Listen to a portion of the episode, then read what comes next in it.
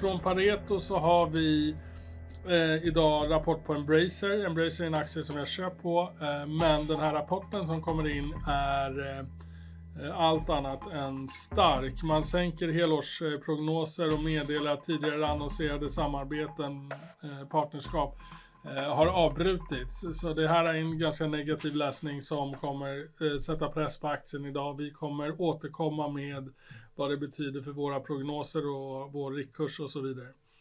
Vi har även nyheter från Camurus som kom igår kväll att deras eh, eh läkemedel Brixadi har fått godkänt i US, USA eh, och det här kommer lyfta aktien. Vi, det kommer eh, lyfta våra försäljningsprognoser någonstans med 1-5% och vår rörelseresultatsprognos med 3-10%. Totalt så ser vi att vårt DCF-drivna värde kommer lyfta cirka 10 procent. Så här är goda nyheter för aktien.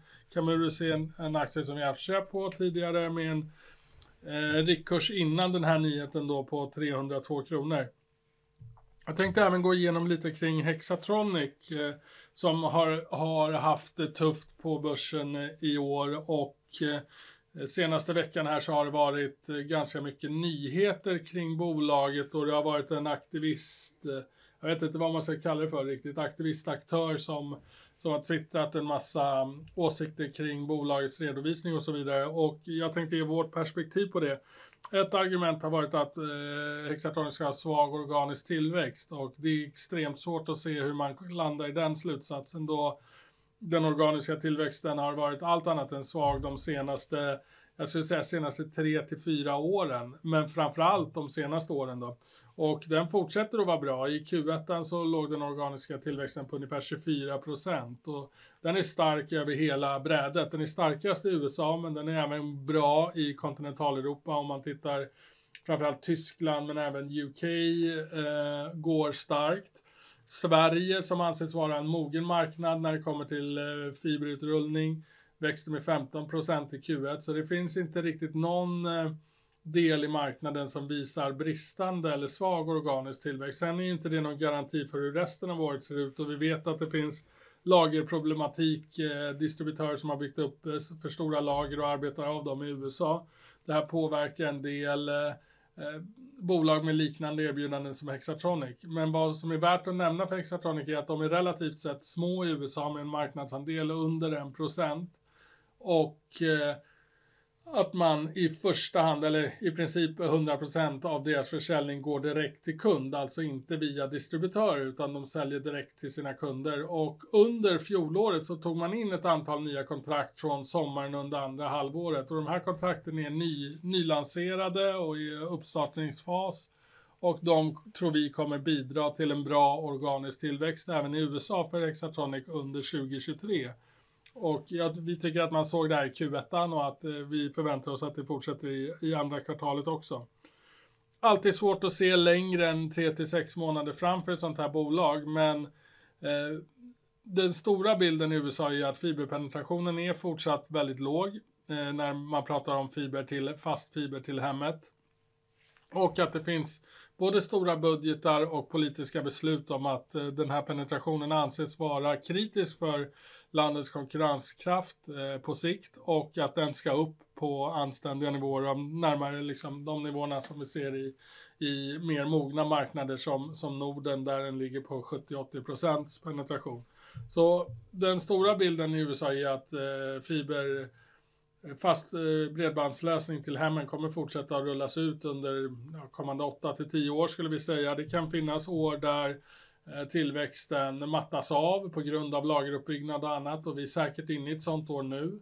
Eh, men att på totalen så kommer marknaden vara större i slutet av det här året än vad den var i början. Sen kan tillväxttakten i procent vara något svagare än vad den har varit de senaste två åren då, då det var drivet mycket av, av ökat behov eh, från pandemin och så vidare. Eh, så att det är lite kommentar kring det här med organisk tillväxt.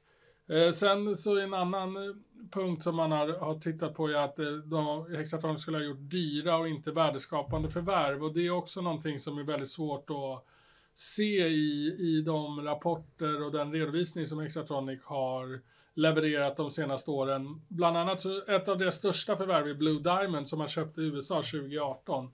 Det är en dukt och pipe-tillverkare som gör plaströr kan man säga som används för eh, fiberlösningarna men används även i andra, för andra syften också. Så det är en bredare marknad man adresserar med Blue Diamonds produkter. Det bolaget har genererat väldigt god tillväxt och är aktiv i en marknad där man är som en liten challenger. Just i dukt och pipe-marknaden i USA i, i Duraline är det stora, stora bolaget som har en marknadsandel på ungefär 75 procent och Hexatronics då, Blue Diamond, är lite av en challenger och eh, här har man eh, en väldigt bra erbjudande, nöjda kunder, lyckas bra i marknaden. Det kommer eh, vara en produkt med hög efterfrågan under lång tid framöver tror vi. Eh, mycket relaterat till fortsatta infrastrukturprojekt och så vidare i USA. Så tittar vi på det bolaget som vi kan se när vi tittar i siffrorna för Exatronic, då är det en av de enheter som växer snabbast och har bäst lönsamhet i hela gruppen.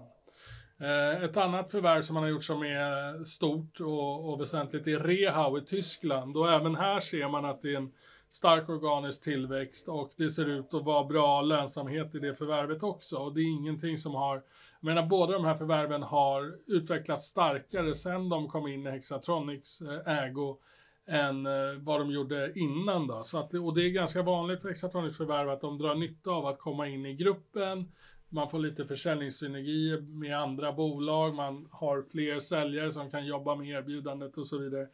Så att överlag så har de förvärv man har gjort utvecklats väl. Sen kan det alltid finnas något enstaka litet förvärv som jag inte har järnkoll på, eh, som inte har gått och utvecklats enligt, enligt plan. Men det är ingenting som dyker upp i siffrorna. Så för en extern part att säga att eh, förvärven inte har utvecklats väl, det är ett, eh, ja, det är ett direkt felaktigt påstående skulle vi hävda. Och eh, där har man, det finns eh, fog för den, den ståndpunkten, hävdar vi.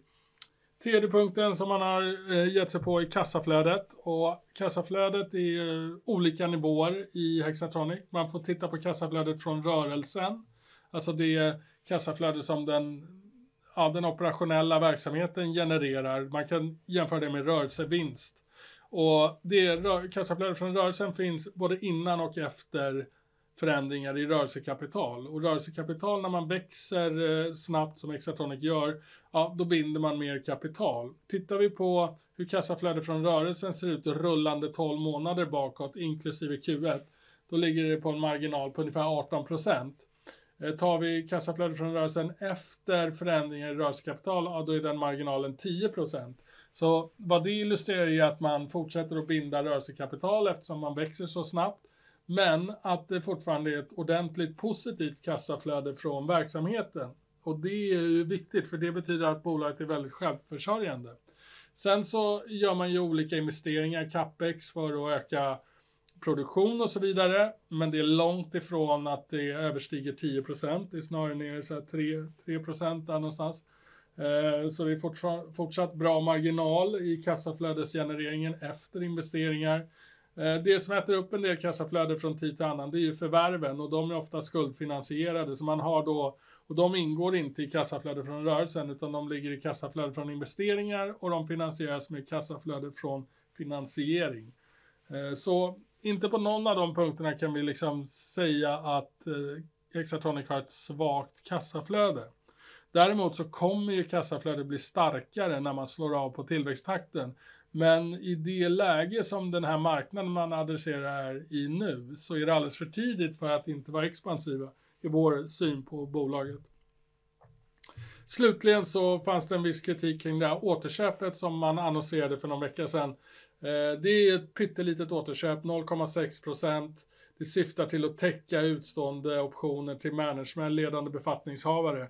Eh, så det är ett sätt att skydda, skydda aktieägarvärde i och det är en bra tillfällighet att göra det eh, när kursen har varit så pressad. Det är egentligen inte materiellt för värdet på Hexatronic det är 0,6% så det är liksom inte ens en punkt att eh, det finns inget signalvärde i den att säga att de försöker trycka upp aktien eller någonting. Det är alldeles för lite för det.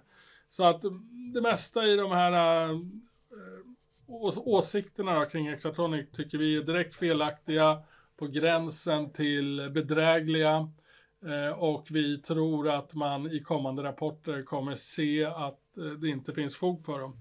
Och med det sagt då så, så um, vi, ser ingen, eh, vi, vi, har ingen anledning att ändra våra, vare sig forecast eller vår syn på, på vad bolaget är värt till Exatronic. Vi har en köp med en riktkurs på 205 kronor. De här 205 kronorna, det är långt ifrån vad kursen är idag. Men det är vad vi anser skulle vara en fair eh, reflektion utav tillväxtpotentialen i bolaget. Och med den synen så är, är det här är ju en väldigt köpvärd aktie på de här nivåerna, anser vi. Eh, och ja, tiden får visa vem som har rätt kring Hexatronic. Men det här var lite information till er som är intresserade av aktien. Med det så tackar vi för oss för idag. Det blev lite längre än vanligt. Eh, men ja, hoppas det var till nytta. Eh, ses igen imorgon. Tack!